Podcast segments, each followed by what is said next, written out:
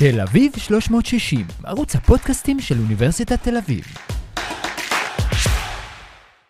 שלום, היום אני נפגש עם פרופסור גיא מירון, כדי לשוחח איתו על ספרו החדש, להיות יהודי בגרמניה נאצית, מרחב וזמן.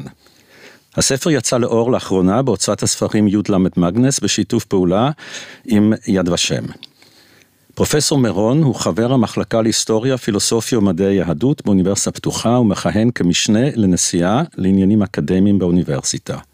מחקריו עוסקים בתולדות יהודי גרמניה ומרכז אירופה במאה ה-20. בהיסטוריה של יהודי הונגריה, בהיסטוריוגרפיה יהודית ובסוגיות של היסטוריה וזיכרון. הספר החדש של גיא, שנדון בו היום, הוא לא הראשון שהוא פרסם. הוא כבר פרסם שני ספרים, משם לכאן בגוף ראשון, זיכרונותיהם של יוצאי גרמניה בישראל, ובסתיו ימי המנציפציה, זיכרון היסטורי ודימוי עבר ביהדות האירופית תחת איום הפשיזם. גרמניה, צרפת, הונגריה. אני, שמראיין אותו כאן, ז'וזה ברונר, פרופסור אמריטוס בפקולטה למשפטים על שם בוכמן, ובמכון כהן להיסטוריה ופילוסופיה של המדעים והרעיונות. שניהם באוניברסיטת תל אביב. כיום אני משמש כמנהל אקדמי של ספריית וינר לחקר התקופה הנאצית והשואה, ואני משוחח כאן עם גיא בהמשך לאירוע השקה שקיימנו אצלנו בספרייה. גיא, שלום. שלום. אני מאוד שמח על ההזדמנות לשוחח איתך על הספר החדש שלך. כתבת ספר עשיר, יפה, קולח, מלא סיפורים אישיים, שמתחברים יחס לפסיפס שמצייר תמונה צבעונית מרתקת רב גונית של חוויה. של תקופה לא ארוכה בין עליית הנאציזם להתחלת השמדת היהודים בזמן מלחמת העולם השנייה. הקורא שלוקח ליד את הספר שלך מחזיק בידו מוצר מוגמר, מודפס, כרוך, ספר. ברגע שהוא יצא לאור, הוא כבר לא משתנה. אבל זה הסוף של תהליך ארוך. את התוצר, כל הקוראים יכולים להכיר ולקרוא, ללמוד ממנו, לחוות אותו, כשם שהם קוראים כל ספר. אבל עד שמחבר מגיש את כתב היד להוצאה, עד ששולחים את הקובץ עם הגרסה האחרונה, הוא כל הזמן משתנה. אני יודע את זה מניסיון, שכתיבת ספר הוא תהליך מסובך, שלוקח שנים. בהתחלה יש אולי רעיון, אולי שאלה. אז אני רוצה לדעת, עם איזה שאלה התחלת? מה היה הרעיון שממנו צמח הספר?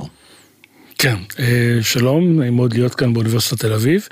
אה, באמת, אני מאמין אה, מהניסיון שלי, הזכרת את העבודות הקודמות שלי, שספר טוב ומחדש ומשמעותי בתחומים שלנו זה פרויקט של עשור פחות או יותר. שבתוכו יש מחשבות ושאלות ומאמרים וכנסים ודיונים, ובסופו של דבר יש מוצר מוגמר. הרעיון הראשוני לספר הזה היה סביב שאלת היחס, הרבה יותר מצומצמת, היחס של היהודים הגרמנים לחגים ולמעגל השנה. זאת השאלה שיצאתי איתה, התחלתי לבדוק אותה קצת ביני לביני, הסתכלתי במקורות, התחלתי לקרוא ספרות תאורטית, ואז הבנתי שחגים, שבסופו של דבר היו רק פרק אחד מבין ששת פרקי הספר, זה חלק משאלה רחבה יותר של זמן. ושהשאלה של זמן מציעה לי תחום הרבה יותר רחב להתגדר בו ושאלות הרבה יותר רחבות וחלקם גם יותר מעניינות לעסוק בהם. וכשקראתי עוד על זמן והסוציולוגיה של זמן ועל פילוסופיה של זמן הבנתי שבעצם לדבר על זמן בלי לדבר על מרחב זה גם קצת אה, חלק מהתמונה. ומכאן התפתח, התפתחה שאלה של יחס למרחב וזמן כשאלה אחת כוללת שבתוכה יש היבטים שונים ומגוונים. ומשם הגעתי לעולם הזה כל כך עשיר של יהודי גרמניה בשנות ה-30 שמצד אחד כל כך הרבה כבר נכתב עליו ומצד שני על השאלה המסוימת הזאת אה, לא, לא נכתב, ומכאן השאלות הלכו והתפרטו לשאלות יותר אה, אה, ספציפיות שמהם בהדרגה צמחו הפרקים של הספר. עכשיו, מרחב וזמן, זה, אלה בעצם הממדים של הקיום האנושי. כולנו חיים במרחב וזמן, זה לא ייחודי ליהודי גרמניה. ואני מבין שהתחלת מחגי השנה, אבל בכל זאת אתה כותב בעצם על מבנה היסוד של הקיום האנושי. מה מיוחד בקיום הזה של יהודי גרמניה אחרי 33, התקופה שעליה אתה כותב? אני אתחיל ואגיד, בגלל שאנחנו עוסקים בנושא של התקופה הנאצית ושל יהודים תחת התקופה הנאצית, שאני כהיסטוריון מאוד נרתע מהשימוש במילה ייחודי. אני חושב שיהודי גרמניה הם ייחודיים כמו שכל קבוצה אחרת היא ייחודית והתקופה הזאת היא ייחודית כמו תקופות אחרות וצריך מאוד להיזהר בשימוש הזה. אני יכול להגיד למה היה לי מאוד מעניין לעסוק בהם, למה התחום הזה פותח לנו שאלות מרתקות שמהם אפשר גם ללכת ולחשוב על תקופות, תקופות אחרות. הייתי אומר שני דברים, אחד, העוצמה של המעבר בין העולם של יהודי גרמניה והאופן שבו הם חוו מרחב וזמן, ועוד נפרט למה כוונתנו במרחב וזמן, במציאות הבורגנית, הנוחה יחסית, המשתלבת, המוניסיפטורית של הקיום שלהם לפני 33. למצב שקרה אחר כך, העוצמה של המעבר, המהירות של המעבר, האינטנסיביות שלו, הן באמת אה, אה, מעוררות אה, התפעלות, מעוררות השתאות, אה, מעוררות אה, פלצות, אפשר להשתמש בכל מיני מושגים. והדבר השני, וזה קשור להון התרבותי שהם הביאו איתו, איתם, ולאינטנסיביות של החוויה הבורגנית שלהם, זה התיעוד. זאת אומרת, החוויות האלה מתועדות בפרטי פרטים, גם במסמכים אישיים, ביומנים, בזיכרונות, במכתבים, בתיעוד אישי לסוגים שונים, וגם בתיעוד ציבורי, בעיקר בעיתונות של יהודי גרמניה, גם בתיעוד ויזואלי שקצת נעזרתי בו. אז בעצם יש לי הזדמנות לבחון שאלה בעלת אופי אוניברסלי, בקהילה שחוותה את המעבר בצורה טראומטית במיוחד, אני אומר במיוחד אבל לא ייחודי, וחשוב לי ההבחנה הזאת, ושהנושא הזה מתועד בצורה שבעצם מזמינה ניתוח עומק, שאני חושב שיכול להיות השלכות להרבה מאוד שאלות היסטוריות אחרות. אז אני רוצה באמת להבהיר למה התכוונתי כשאמרתי ייחודי. לא ייחודי, אני חושב, במובן שמשתמשים בזה בהקשר הישראלי, בדרך כלל סביב השואה וכולי. אלא מעניין אותי למשל, אתה באמת כותב פה על תקופה היסטורית מאוד מסוימת בגרמניה. אם ניקח למשל את צרפת אחרי הכיבוש הגרמני. אה, יהודי צרפת, הגורל שלהם היה מאוד שונה מגורל יהודי גרמניה, זאת אומרת, הצמצום שלהם בזמן, במרחב. מה שאני בעצם שואל זה האם איפה שהנאצים השתלטו, אנחנו נראה לדעתך תהליכים דומים למה שאתה מתאר לגבי גרמניה, או שיש משהו, ולזה הייתה הכוונה שלי במילה ייחודית, או משהו שמאפיין ומבדיל בין גרמניה לבין אזורים אחרים שהיו תחת שלטונם של הנאצים. כן, אז אם אנחנו ניקח את השאלה הזאת באמת, וכמו שאתה מציע, נצמצם אותה רק להקשר של מה קורה לאוכלוסיות יהודיות שונות תחת הכיבוש הנאצי, וזה מאוד נוח לי, כי אני בא לחקור את התקופה הזאת כחוקר היסטוריה יהודית, אז הנטייה הטבעית שלי זה לבדוק מה קורה בארצות אחרות. אז התשובה שלי בעצם כן ולא, זאת אומרת, דווקא בחרת את צרפת, וצרפת זאת קהילה שחלק גדול ממנה היא גם כן קהילה בורגנית, מעמד ביניים, עם המאפיינים של הקהילה היהודית בגרמניה, כך שבמובנים מסוימים אני מניח שהתשובה היא כן, יש בהחלט קווי דמיון. מצד שני, יש פה גם הבדלים. א', בצרפת יש הרבה יותר מהגרים מזרח אירופיים שהופכים את החוויה לאחרת. ב', בצרפת כל העסק הזה מתנהל בעיקר על ידי כוח זר, כובש שבא מבחוץ. משהו בעוצמה של העובדה שזה קורה לך בבית, במקום שהרגשת שייך אליו, על ידי אנשים שאתה גדלת איתם, ומדינה שהייתה המדינה שלך, ופתאום זה קורה לך בדרך הזאת, היא מעמיד הבדל מאוד משמעותי.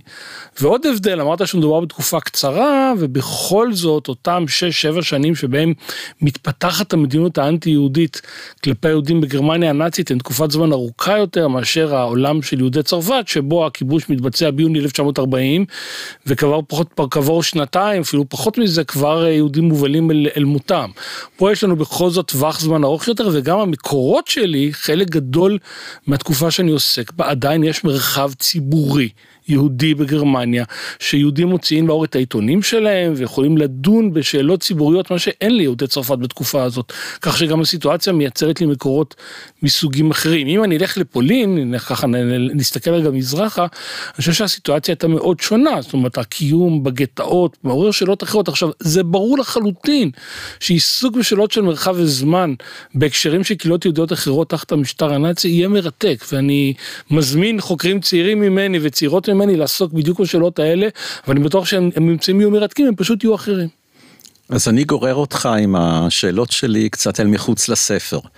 אבל uh, הייתי רוצה לבקש ממך שלפני שנמשיך בקו הזה, אולי מאוד בקצרה תסביר מה הטיעונים המרכזיים בספר שלך לגבי זמן ומרחב של יהודי גרמניה עם עליית הנאצים. מה, מה בעצם אתה טוען קרה לזמן ולמרחב היהודי עם עליית הנאצים בגרמניה. אני חושב שבמקום לדבר על טענה כללית, אני קצת אפרט את זה לפרטים ואגיד שכשבדקתי מרחב, ולמה אני בעצם מתכוון למרחב? אני מתכוון אחד לנישול מהמרחב הציבורי. זאת אומרת, הרחוב, הספרייה הציבורית, אה, בית הקפה, אה, הטבע, כל המקומות שאנחנו באופן טבעי, כאשר המרחב פתוח בפנינו, כפי שהוא היה פתוח בפני יהודים גרמנים מאז עידן האמנסיפציה, זה חלק מהעולם והחוויה המרחבית שלהם, פתאום הם לאט לאט מנושלים מהם, והשאלה שמעניינת אותי זה איך הם חווים את זה. ואיך הם מתמודדים עם זה.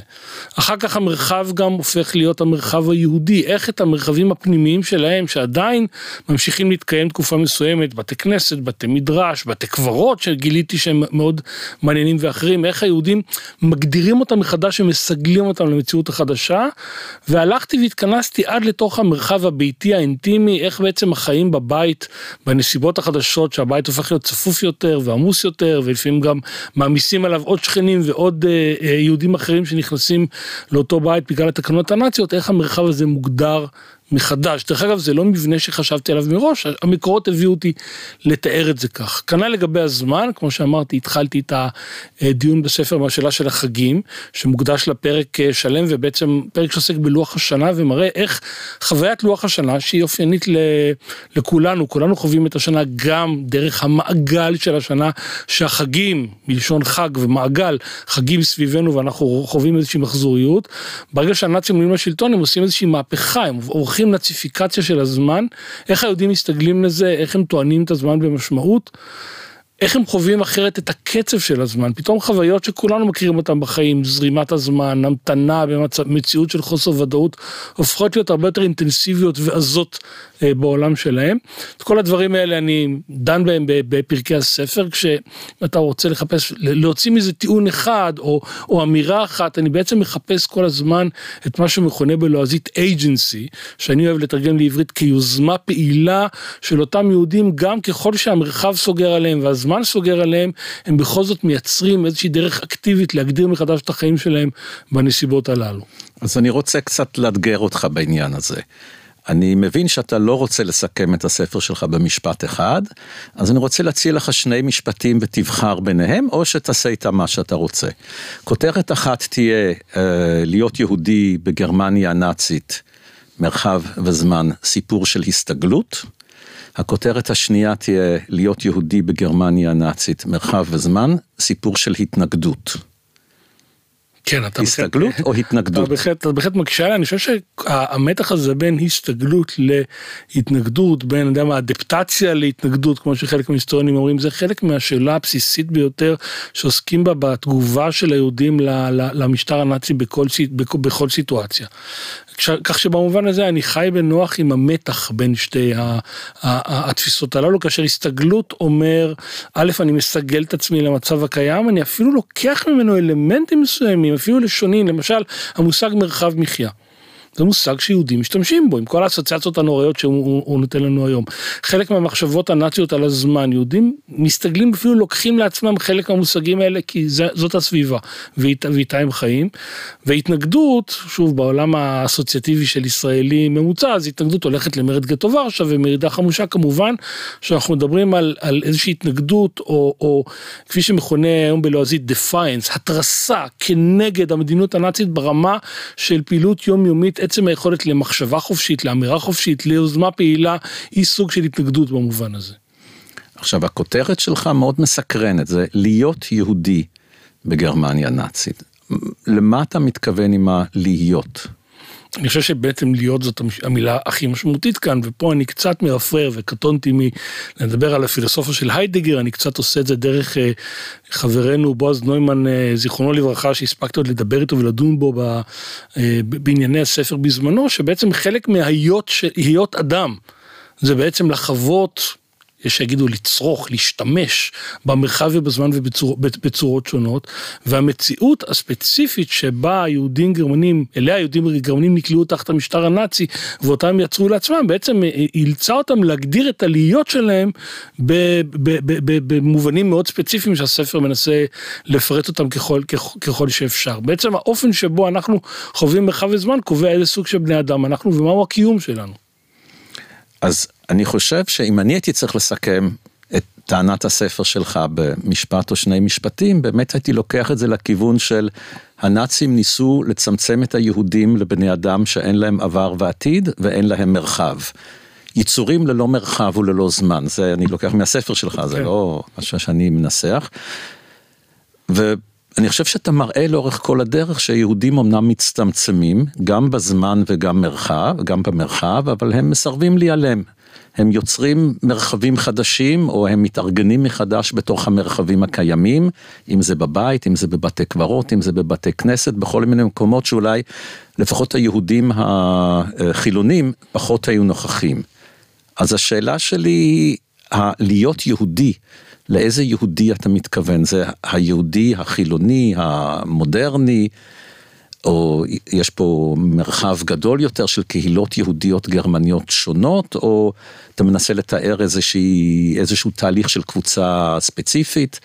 איך, איפה אתה שם את הגבול של מי כלול בלהיות יהודי הזה? שאלה מאוד מעניינת שבאמת מאתגרת אותי, אז אני אנסה לדבר על דברים שלא כתובים בספר, מתוך מחשבה על הספר, ולהגיד שאני חושב שהשתמשתי במילה יהודי, אולי באופן בלתי מודע, בלשון יחיד, לא כדי להגיד אני מתכוון ליהודי מסוים ולא ליהודי אחר. כי אני מתעניין גם במתבולל ואפילו במתנצר, ותכף אני אביא את הדוגמה של ויקטור קלמפרר, וגם ביהודי שומר מצוות ומסורתי כמו ויליקון ואחרים, אבל אני כן מתעניין בו, או בא קודם כל כיחיד או יחידה. אני חושב שזה הדבר הכי מעניין. יש גם דיונים על קהילות ועל קבוצות ועל מניינים ועל התארגנויות, אבל בסופו של דבר הגיבור של הספר זה הפרט, זה האדם היחיד. בדרך כלל גבר, כי רוב המקורות מדברים על גברים, אבל גם, אבל גם מקורות נשיים. ואם אני אביא דוגמה אחת קונקרטית שאני מרבה לצטט אותה, זו הדוגמה של ויקטור קלמפרר, כאמור יהודי מומר. אומרת, הוא לא חווה את עצמו כיהודי, אבל הוא נאלץ לחוות את עצמו כיהודי ולהצטמצם להגדרה היהודית שלו תחת המשטר הנאצי. כשבשנת 42 כמדומני, הוא אה, חושב שאו-טו-טו הולכים לגרש אותו מבית היהודים שהוא חי בו בדרזדן אל מותו. הוא מסרב לקבל את הדרישה של המשטר הנאצי, של האחראים באותו, באותו אזור לצאת לעבודת כפייה, הוא אומר, אני נשאר בבית. למה אני נשאר בבית? כי זה המרחב שלי, ואני רוצה לנצל את הזמן שלי בדרך שאני אנצל אותו, שזה אומר לכתוב את, הקט... את המחשבות שלי, לתעד, להמשיך בפרויקטים של מחקר, למרות שהם נראים חסרי כל ערך, אבל מבחינתו הם סופר משמעותיים, והוא מסיים את אותו קטע יומן, שיכול להיות שכשהוא כתב אותו, הוא חשב שזה יהיה הדבר האחרון שהוא יכתוב, לשמחתנו זה לא קרה. במילים אני אדם מאושר. וכשהוא אומר אני אדם מאושר בעיניי הוא אומר אני עדיין אדם, עדיין יש לי מרחב וזמן, עדיין יש לי יוזמה פעילה וזה הדבר האחרון שיקחו ממני. אז בהקשר הזה אני רוצה לצטט משהו שאתה מצטט בספר שלך, משפט מפי ההיסטוריון וילי כהן שכתב ב-1939 על גורל יהודי גרמניה. עכשיו אנחנו חיים לצידה של ההיסטוריה, שפעם לקחנו בה חלק פעיל, שזה כמובן מה שקורה באותה תקופה, אבל אני חושב שהספר שלך חי לא במעט מהמתח בינינו כקוראים, שאנחנו יודעים שזה לא סוף הסיפור. זאת אומרת, זה שהיהודים היו בצידה של ההיסטוריה ב-1939, זה לא הסוף של וילי כהן שנרצח בליטא לאחר מכן. אלא הסוף בסופו של דבר זה שדוחקים אותם החוצה מההיסטוריה, הם לא נשארים בצד ההיסטוריה, רוצחים uh, את היהודים, השמדה שהם עוד לא יודעים. ויש מין פער מתמיד שאני קורא בספר שלך בין מה שאני יודע לבין המסמכים שאתה מביא של מה שהם יודעים, הם עוד לא יודעים מה הולך לקרות. מה, מה הדעה שלך על הפער הזה בין הקורא לבין הכותב, בין הקורא היום לבין מי שמספק לך את המקורות? לכתיבת הספר שלך. באיזשהו מקום זאת החוויה שלי בתור מי שמתווך בין כותב המקורות לבין הכורת של הספר, אה, אה, אה, לחוות את המתח הזה בין מי שיודע בוודאות מה הולך לקרות, שזה הכורת של הספר מבחוץ, לבין אלה שכותבו את המקורות שהם לגמרי לא יודעים. וכשאני מנסה כהיסטוריון להיכנס לעולם שלהם ולחוות את האמפתיה איתם, אז אני מבחינה פסיכולוגית, ואני חוזר על זה עוד פעם ועוד פעם, אני בטוח שגם חוקרים אחרים של התקופה יגידו את זה, אני חווה את זה איתם, ואני חווה איתם גם את הבלתי נודע. וזה משהו שחוזר על עצמו כל הזמן, ולכן הכתיבה הזאת שלי, אני לא צריך להעמיד פנים שאני לא יודע, אני באמת, כשאני איתם, אני באמת לא יודע מה יקרה. ואם אני אה, אה, אתייחס לדברים שלך מנקודת מבט אחרת, אני רוצה להגיד עוד דבר. וילי כהן חושב שהוא בשולי ההיסטוריה, כן? אמ, אחרים יגידו שמה שהיסטוריונים היום עושים, ואני הקטן ביניהם, הם בעצם לקחת אותו ולהגיד, זה הסיפור המעניין. עם כל החשיבות הגיאופוליטית של מה שקורה שלווילי כהן ולאחרים אין שום דרך להשפיע עליו, הכתיבה והעשייה היומיומית שלהם בעינינו היום, אולי כהיסטוריונים של תרבות, זאת ההיסטוריה. אלה הדברים המאוד מעניינים שאנחנו רוצים לחלץ אותם מתוך אותה מציאות שהם חיו בה. אז אמרת שכשאתה כותב על הנשים האלה, אתה בעצם נכנס יחד איתם לחוויה שלהם. אתה יכול לתאר קצת יותר את תהליך הכתיבה, איך אתה בוחר בין, ציינת כמה פעמים שיש ים של מקורות דווקא על התקופה הזאת, גרמניה לעומת מדינות אחרות. היית צריך לברור מקורות, היית צריך לחפש מקורות, איך, איך אתה עובד, איך אתה כותב? טוב, קודם כל התחלתי עם גרמניה, כי זה, מה לעשות, אזור הנוחות שלי, זאת הקהילה שאני מכיר, זאת השפה שאני קורא הכי טוב, משם, לשם אני יכול, יכול להיכנס. עדיין מצאי המקורות הוא עצום, האתגר השני היה לגוון את המקורות. אז הזכרתי את וילי כהן וויקטור קלמפר, שניהם גברים יהודים או ממוצא יהודי בשנות החמישים לחייהם, שזה אני יכול להגיד, הגיל שלי היום, אבל הם תופסים את עצמם כאנשים מאוד זקנים, מה שקצת קשה לי לקבל על עצמי. אבל הם אנשים אינטלקטואלים, אנשי מדעי הרוח, במובן הזה, מסוים אני מאוד קרוב אליהם, אבל כדי לעשות, לכתוב משהו משמעותי יותר, אני צריך לפרוץ את המסגרת הזאת ולחפש גם כתיבה נשית. ולחפש גם כתיבה של צעירים, ולחפש כתיבה של אנשים מבוגרים יותר, ולגוון את המקורות שלי, וזה עשיתי בכל מיני דרכים, בין השאר צריך ללכת לארכיונים, למקורות שלא התפרסמו, צריך ללכת להתכתבויות משפחתיות, כן, למשל אחת הדמויות המרתקות שמצאתי זאת המשוררת גרטרוד קולמר, שלאחרונה קצת התגלה גם בעולם הישראלי, שיש לה התכתבות מרתקת עם אחותה שנמצאת מחוץ לגרמניה, ומהמכתבים שלה אפשר לשחזר חוויית זמן ומרחב של אישה צעירה יותר, שהיא גם עסוקה ביצירה אומנותית, לתת פרופיל אחר או, או חוויה אחרת. מצאתי אומן של נערה שחיה באיזשהו אזור כפרי בדרום גרמניה, נותנת זווית אחרת לחלוטין על החוויה עד 38, אנחנו כמעט לא מרגישים בעצם את, ה, את השינוי והזעזוע שמזעזע אה, אה, אה, יהודים אחרים. חיפשתי יהודים מרקע שמרני יותר, מאזורים פריפריאליים יותר, לא הגעתי לאיזון מלא. אבל ניסיתי לגוון את הפרספקטיבות. עכשיו אם אני חוזר לשאלה מה זה מרחב וזמן, את השאלות האלה פתרתי תוך כדי קריאת המקורות. למשל, אני לא ידעתי שאחד הנושאים בעיניי, בסופו של דבר, כשמסתכלים על המוצר הגמר הכי מרתקים שאני אעסוק בהם בהקשר של מרחב, זה השאלה של נהיגה. כן, בתור אחד, ואני מניח שרבים גם מהמאזינים והצופים בנו חווים את החיים חלקית בתור נהגים. שנוסעים בכביש, שעומדים בפקק, שלפעמים מאוד נהנים מהכביש הפתוח והם מתוסכלים מהכביש הסגור, פתאום גיליתי שזה אחד הנושאים שמעסיקים חלק מהכותבים שלי. כן, הבולט ביותר זה קלמפר, אבל גם אחרים. והנושא של נהיגה ותרבות נהיגה ויחס ליהודים כנהגים ופתיחות האפשרות לנהוג מול בסופו של דבר זה ששוללים את זה מהם ואיך הם חווים את זה יהפוך להיות נושא מאוד מרכזי בספר, זה פשוט צץ ועלה תוך כדי הקריאה של המקורות. עכשיו, היה אפשר, תמיד אפשר, וחשוב להגיד את זה גם לחוקרים צעירים יותר ולדור הבא של המחקר, תמיד אפשר לשאול שאלות אחרות. הייתי יכול לגשת לזה מכל מיני כיוונים. אחת המבקרות של הספר אמרה לי, היית יכול בעצם לכתוב את כל הספר דרך חוויות חושים שונות. מה ראית? מה שמעת, מה הערכתם במציאות הזאת, ודרך זה לבנות את החוויה נכון, זה בהחלט אפשרי. אני בחרתי בסופו של דבר בדרך מסוימת. איך אתה מתמודד עם זה? זה משהו שתמיד מטריד אותי גם כשאני כותב. יש עוד אין ספור שאלות נוספות שאפשר לשאול. איפה אתה שם את הגבול? איך אתה יודע שסיימת את הספר? אני חושב שזה דבר שזה עניין של החלטה. זאת אומרת, אפשר היה להחליט שאני מסיים את הפרויקט הזה תוך שנה, שנה וחצי, ומה שמצאתי אני מפרסם, ואז אולי זה היה יותר עוזר לי להתקדם בסולם האקדמי, אבל זה לא מספיק. כן, זה לקח זמן, יש תהליך של הבשלה.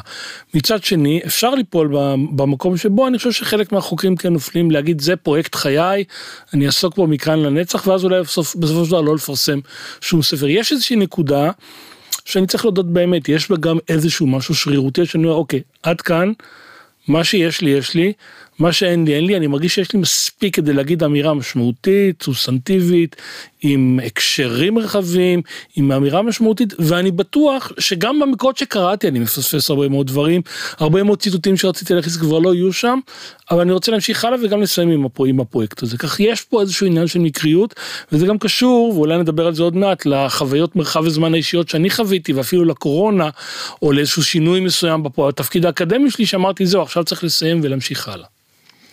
אז לפני שנלך לכיוון הזה, אני רוצה עוד לשאול שאלה אחת לגבי נקודה שאתה הזכרת כבר כמה פעמים, וזאת הנקודה המגדרית. ציינת שמצד אחד אתה הסתמכת על הרבה מקורות של גברים מהמעמד הבינוני, החילוני, המשכיל, אולי גם קצת המסורתי, כמו וילי כהן, שכתבו, ומצד שני גם חיפשת מקורות נשיים, מקורות של מחברות ולא רק של מחברים. וזה מורגש בספר, זאת אומרת המאמץ הזה הוא מורגש והוא מעניין, שבאמת אתה לא, זה לא ספר על גברים שכתבו בגרמניה הנאצית.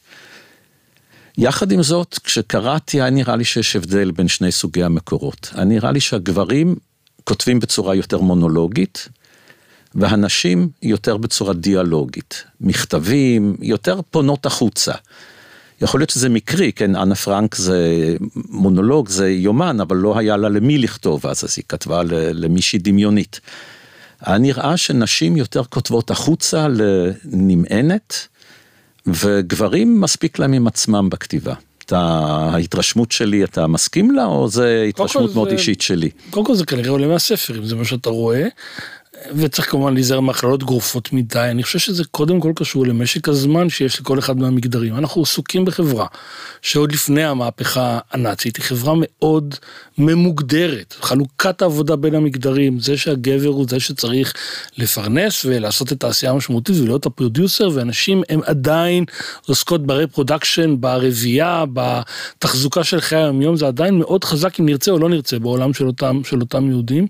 והדוגמה שאני הכי אוהב להביא, ופה זו דוגמה שמקוממת אותי בכל גבר שמאמין בערכים של שוויון, או ערכים פמיניסטיים אם תרצה, שווילי כהן בשלב מסוים כותב ביומן, שיש לו טרוניות כלפי רעייתו, שאין לה מספיק זמן לדבר איתו ולשמוע את כל ההתלבטויות העמוקות שהוא עובר. זאת אומרת, אפשר להאשים אותה כביכול בזה שהוא כל כך מונולוגי, כי היא לא מספיקה לדבר איתו, אבל בעצם מי מחזיק את החיים שלו ואת הילדים הצעירים שלו ואת כל היומיום שמאפשר לו לחשוב את כל הדברים האלה, אותה אישה שבעצם טורחת סביבו כל הזמן, ומי שקורא טוב את הספר רואה את זה. זאת אומרת, במובן הזה אתה לא תמצא כנראה אנשים שכתבו כל כך הרבה כמו ויליקון או ויקטור קלמפר, כי לא היה להם את הזמן, את הזמן לעשות את זה. אה, אותה תקשורת, אה, אה, כמו שקראת לה דיאלוגית, אגב בחלק מהמקרים, אולי זה לא מקרה שגרטרוד קומר שהזכרתי הייתה רווקה. כן, הגבר המשמעותי בחיי היה אבא שלה שהיא כותבת עליו הרבה, והיא בעצם חיה, חיה לבד. יש דוגמאות אחרות לנשות קריירה שכתבו. דיברתי על נערה צעירה, אין כמעט נשים נשואות שמצאתי אותן ככותבות אה, אגו דוקומנטים מאוד מאוד אה, ארוכים ומשמעותיים.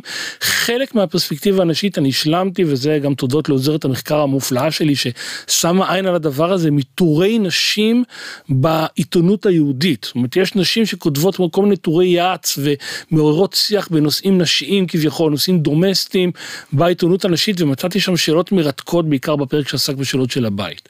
אבל זה בהחלט היה אתגר בשבילי כהיסטוריון למצוא את האיזונים הללו.